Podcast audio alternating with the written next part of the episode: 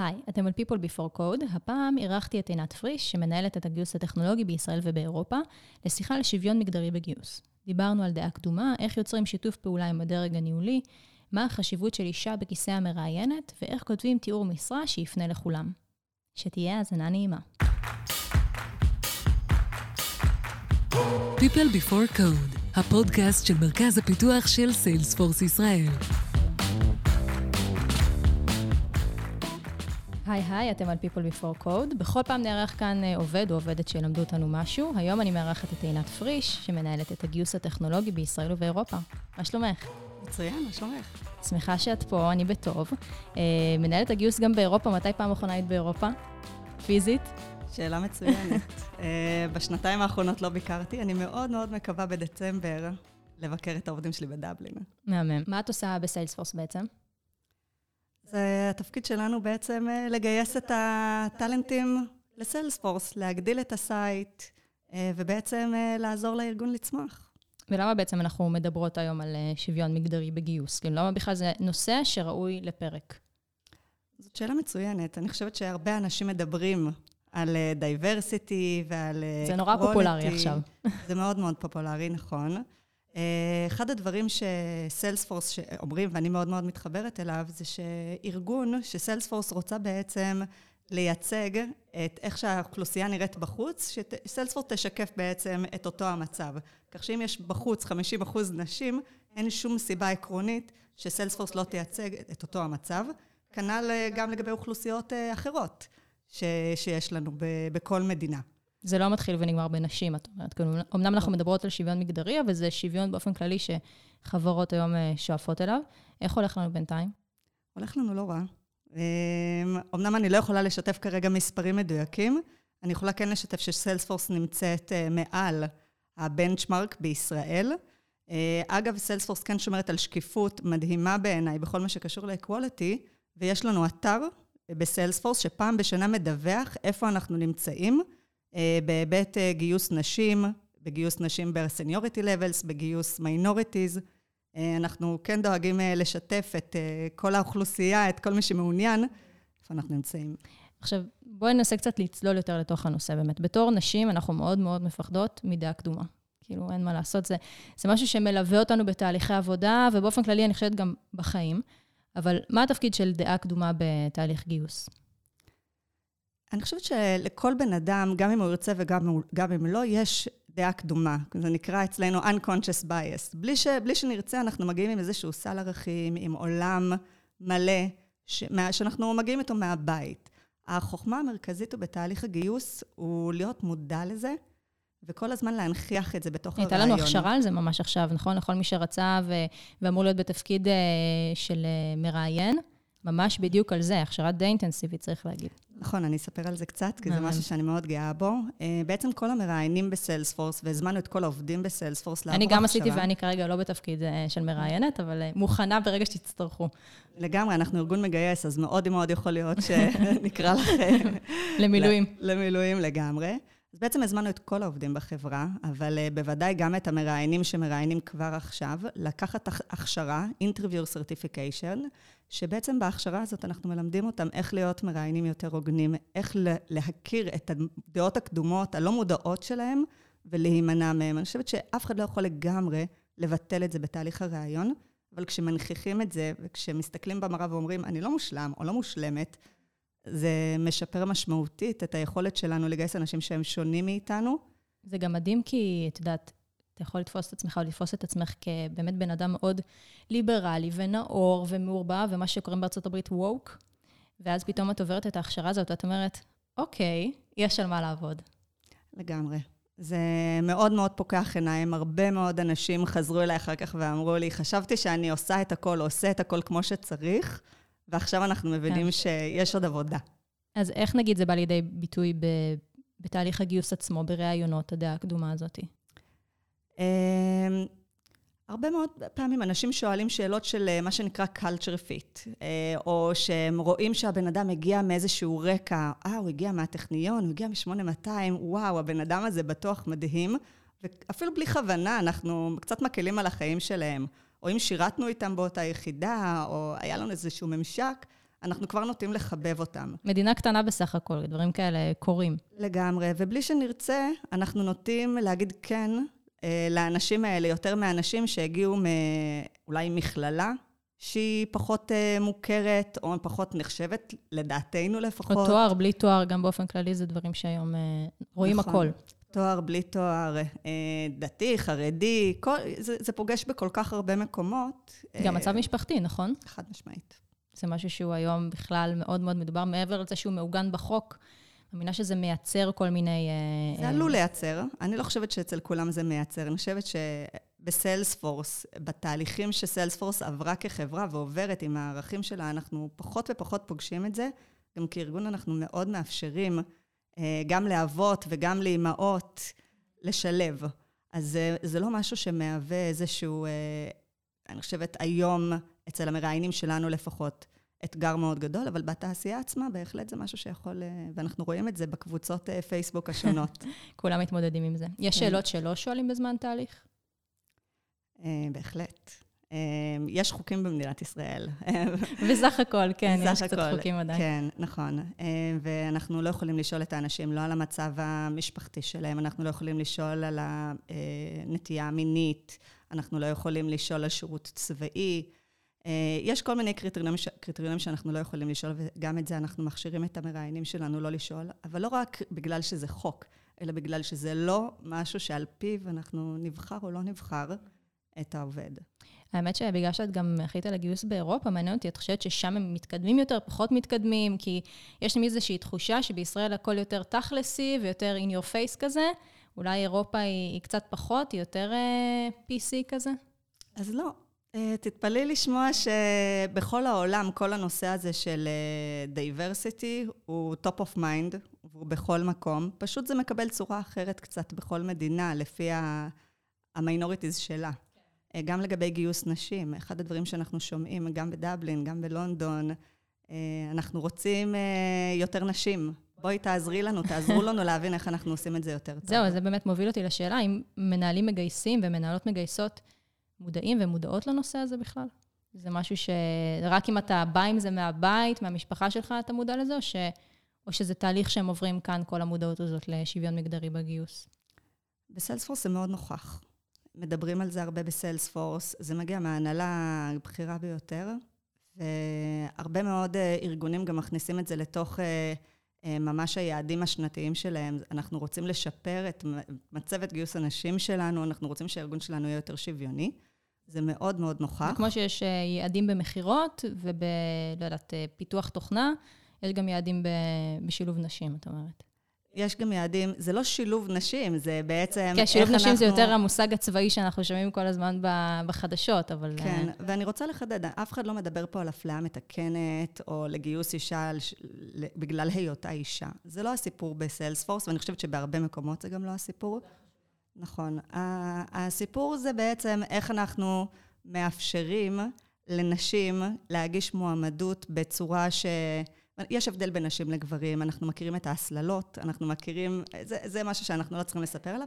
אנחנו יודעים שגם נקודת הפתיחה היא שיש פחות נשים בהייטק בתפקידי פיתוח. זאת אומרת, פחות קיימות. עדיין אנחנו יכולים מצד אחד לשפר את זה באוכלוסייה הצעירה יותר, וזה הרבה ארגונים עובדים עליו, אבל גם בקרב האוכלוסייה היותר אה, סניורית, אנחנו יכולות לעשות, יכולים ויכולות לעשות צעדים שבהם אנחנו בעצם... מאפשרים או מנגישים או מעודדים נשים לקחת את, ה, את הסיכון, אם תרצי, ולנסות. עכשיו, אמרת על זה איזושהי מילה, ואני רוצה שנרחיב על זה, זה בעצם לא תהליך שמתחיל ונגמר בגיוס, נכון? בעצם נכון.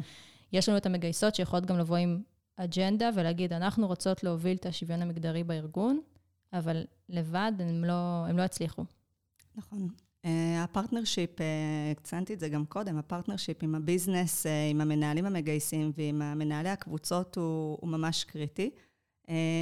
הרבה פעמים זה לא שהמגייסת באה ואומרת למנהל, כמו שציינתי, אתה צריך לגייס יותר נשים. הרבה פעמים השיחות האלה מגיעות בעצם בתכנון, בפלנינג השנתי. אנחנו בעצם מדברים על זה ובונים איזושהי אסטרטגיה, ויש דברים שהם לצורך העניין לא כל כך מסובכים. על מנת לשפר בעצם את ההתנהגות שלנו כארגון אה, בשיפור תהליכי הגיוס שלנו, שכבר כמובן אנחנו הטמענו אותם בתוך סיילספורס, וממשיכים לחפש דרכים להשתפר. אה, אני יכולה לספר לך קצת אה, בהיבט הזה, מה הדברים שאנחנו עושים. זהו, אז באמת אנחנו תכף ממש נפרוט את זה אה, ברורים, אבל אני רוצה לשתף אותך שלפני כמעט שנה אני חיפשתי עבודה, ויצא לי להתראיין לכל מיני מקומות שבהם ראיינו אותי אך ורק גברים. עכשיו, זה, יודעת, זה גרם לי לטעות, אם גם יש נשים ש, שעובדות שם, אבל את יודעת, זה, זה מצב שהוא קצת מורכב. כמו שאת אומרת שמראיינים לא יכולים לשאול אותי דברים, אז לא היה לי נעים לשאול, יש גם נשים, ומצד שני ידעתי שזה ישפיע על הבחירה שלי. אז uh, עד כמה, נגיד, המגדר של המראיין או המראיינת יכול להשפיע על השוויון המגדרי בגיוס, או על החוויה של המועמד, שזה גם כן נושא לשיחה אחרת uh, לגמרי. אה, אני חושבת שזה מאוד משפיע. אני יכולה לספר גם כחוויה האישית שלי כעובדת. לפעמים כשנכנסים לחדר, בהיסטוריה שלי, כשהייתי נכנסת לחדר ובו הייתי האישה היחידה, החוויה היא פחות נעימה. תמיד מחפשים מישהו, מישהו שהוא דומה לך. אה, וזה דומה מאוד גם בתהליך הראיונות. אה, בסיילספורס ובכל ארגון, יש מספיק נשים שיכולות לקחת חלק בתהליך הראיונות, גם אם זה לא לצוות הספציפי הזה שמתראיינים. אה, ואחד הדברים שאנחנו בעצם החלנו בסיילספורס זה שבפאנל המראיינים תהיה לפחות אישה אחת. א', כי זה מייצג באמת את מצב האוכלוסייה בתוך סיילספורס, אבל גם כדי לתת למר... למועמדת את התחושה של, היי, hey, יש עוד נשים בארגון, את לא כאן לבד, וגם אם יש לך שאלות שאת רוצה לשאול, ואולי את לא מרגישה בנוח לשאול... Uh, זהו, זה ממש, ממש נקודה חשובה, כי לפעמים תרצי לדבר על דברים שאולי אין מה לעשות, פחות נעים לדבר אישה מול גבר, uh, אז, אז זה לגמרי נותן את המקום לדבר הזה. כן, אני חושבת שזה... אני, אני לא פגשתי הרבה נשים שלא מרגישות בנוח לשאול משהו גבר. זה יותר משהו, אם דיברנו על תת-מודע... לא, אפילו דברים כמו, את יודעת, אה, איך אה, חזרת לעבודה אחרי הלידה, או דברים כאלה. ש... טוב, אצלנו גם אה, יש פה שוויון, אז אולי אנחנו קצת... רציתי לפתוח סוגריים. כן, כן, זה לגמרי סוגריים גדולים נכון. וחשובים.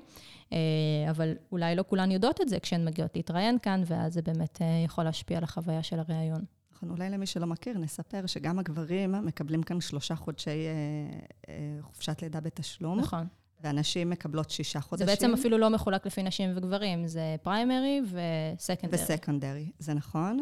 אה, נשים בעצם מקבלות עוד שלושה חודשים, או פריימרי וסקנדרי, אה, ו, ולכן זה משפיע גם על כל, ה, על כל המגדרים כאן. זאת אומרת, השאלה היא לא איך נשים יתמודדו עם חזרה מחופשת לידה, כי גם גברים מתמודדים עם חזרה מחופשת לידה. ו... וגם זה נושא לפרק אה, בפני עצמו. מדברים גם הרבה, אני רואה בקבוצות, קבוצות שבעיקר שעוסקות בנשים בתעשייה ובכלל בעולם העבודה, זה שנשים לא יגישו קורות חיים אם הן לא עונות על 100% מהסעיפים. אני מודה שגם אני נפלתי בדבר הזה. איך אפשר להתמודד עם זה כארגון מגייס? איך זה משפיע על ה pipeline של המועמדים והמועמדות? נכון, ומה שאת אמרת זה מאוד נכון, זה לא אנחנו אמרנו, זה מחקרים שמראים. כן. אמ, אחד הדברים שהצוות הגיוס עושה, בכל פעם שאנחנו פותחות משרה חדשה, אנחנו עוברות עם אותו המנהל ומווד... או מנהלת, ומוודאים מה באמת הכרחי להצלחה בתפקיד, ומהם הדברים שניתן לרכוש. זה יותר אה, כישורים לעומת ניסיון. ואנחנו מזקקים את זה ומזקקות את זה לשלושה, ארבעה, מקסימום חמישה דברים שהם באמת באמת הכרחיים, ואת כל השאר אנחנו נוריד ל-nice to have, ונגדיר, חשוב לי להגיד שאנחנו מגדירות את תהליך הגיוס עם המנהלים לפני שהם פגשו אפילו מועמד אחד. ואנחנו נגדיר מה הם הדברים... כדי שלא יהיה דעה קדומה. שכולם ייבחנו בדיוק על אותם הדברים, ששוב, לא יהיה את המצב הזה של ההטייה. וכבר בשלב הזה אנחנו מוודאים שכל מה שהם אמרו שהוא nice to have, בן אדם לא יישלל, מועמד או מועמדת לא יישללו על זה. אז זה בעצם מה שלוקח תיאורי משרה מאוד מאוד ארוכים ומצמצם אותם, נכון? לדברים שהם באמת חובה ובאמת רלוונטיים לתפקיד. אבל מה, מה גורם מראש לכתוב את התיאורי משרה יותר ארוכים? חוסר התקשורת הזה בין המגייס למנ... או המגייסת למנהל או המנהלת המגייסים? אני חושבת שכל אחד אה, מדמיין לעצמו את המועמד המושלם, החד קרן, המפתיע, שיגיע וישנה את פני המצב אה, בצוות, אה, ו... ולכן אנשים כותבים תיאורי משרות של המועמד האולי לא קיים. ובסופו של דבר, כן התפקיד שלנו בגיוס, זה להגיד מי המועמד הטוב ביותר, מהם הכישורים, מה הפוטנציאל, ולהנכיח את זה לקרקע, להביא את זה לקרקע, ועל ידי כך באמת להגדיל את אה, כמות הנשים, וכמו שאמרתי, זה לאו דווקא נשים, זה גם אה, אנשים שהם לא מה, מה core התל אביבי, הקלאסי, כן. כן. מעולה. אז בעצם, אחת הבעיות, אמרנו שאין מספיק נשים ב pipeline, וניסינו למנות כאן כמה, כמה טיפים או כמה אפשרויות כדי בתור ארגון מגייס להתמודד עם הדבר הזה, אז אני שנייה רוצה לעבור איתך, רק כדי שנוכל לסכם את ה-takeaways. אז הדבר הראשון זה בעצם להעלות את המודעות בקרב המנהלים, נכון? לגמרי. הדבר השני זה שתהיה לפחות אישה אחת בכיסא המראיינת, וגם את ציינת, וזה חשוב, זה לא חייבת להיות מישהי מהצוות, נכון? זה נכון. יכול להיות כל מישהי מהארגון אה, שתיתן את המענה הזה בעצם אה, לשוויון המגדרי בתהליך הגיוס. והדבר האחרון זה איזשהו uh, תיאור משרה שהוא uh, מכיל. יש גם כלים שאפשר להשתמש בהם בשביל... Uh... נכון.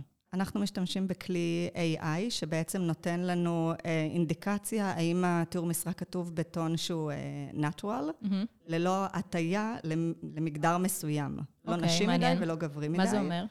אה, זה אומר שאנחנו לא נכתוב שאנחנו מחפשים heroes או ninjas או, או דברים מהסוג הזה. בישראל זה מאוד נפוץ לכתוב, כשכותבים בעברית, מחפשים את התותח או התותחית. או כל מיני, אה, מאוד מיליטנטי כזה. נכון, אנחנו לא נשתמש בזה בתיאורי המשרות שלנו. אה, לפעמים מנהלים כותבים את זה, והכלי הזה הוא, הוא קולברטיבי, ואנחנו משתפים איתם בעצם את התוצאות, וזה ממש נותן ציון. עכשיו, כשעובדים עם מהנדסי תוכנה, נורא קשה להם לראות שהציון שלהם הוא נמוך. אז הם רוצים להשתפר, ואז פתאום זה נכנס ל... ליעדים האישיים. ממש ככה. איזה קטע. אה, מעולה. אז יש לנו את זה, מעולה.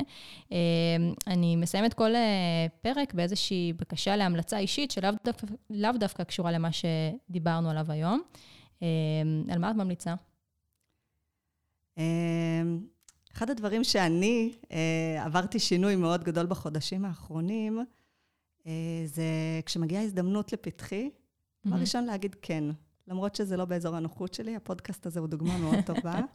אני מאוד... אני לא אה, כפיתי עלייך להגיע לא, לפה. לא, נכון, אני אמרתי כן, שאלת ואמרתי כן, מתוך התפיסה של קודם אומרים כן, כן. ואחר כך מתמודדים עם ההשלכות של זה. מהרגע שעשיתי את ה shift הזה ב mindset, זה פתח לי המון המון דלתות. אה, וזה טיפ אה, והמלצה שאני ממליצה. לא רק לנשים, אגב. לא רק לנשים. לקפוץ למים, להגיד כן, יוצאים מזה רק דברים טובים. טוב, אני, א', אני מקווה שהרגשת שהכן שנתת לי על הפודקאסט הזה כבר הוכיח את עצמו. בוודאי. מעולה. עינת, ממש ממש תודה שהגעת פה. למדתי ממך המון ושמחתי לארח אותך. ביי ביי.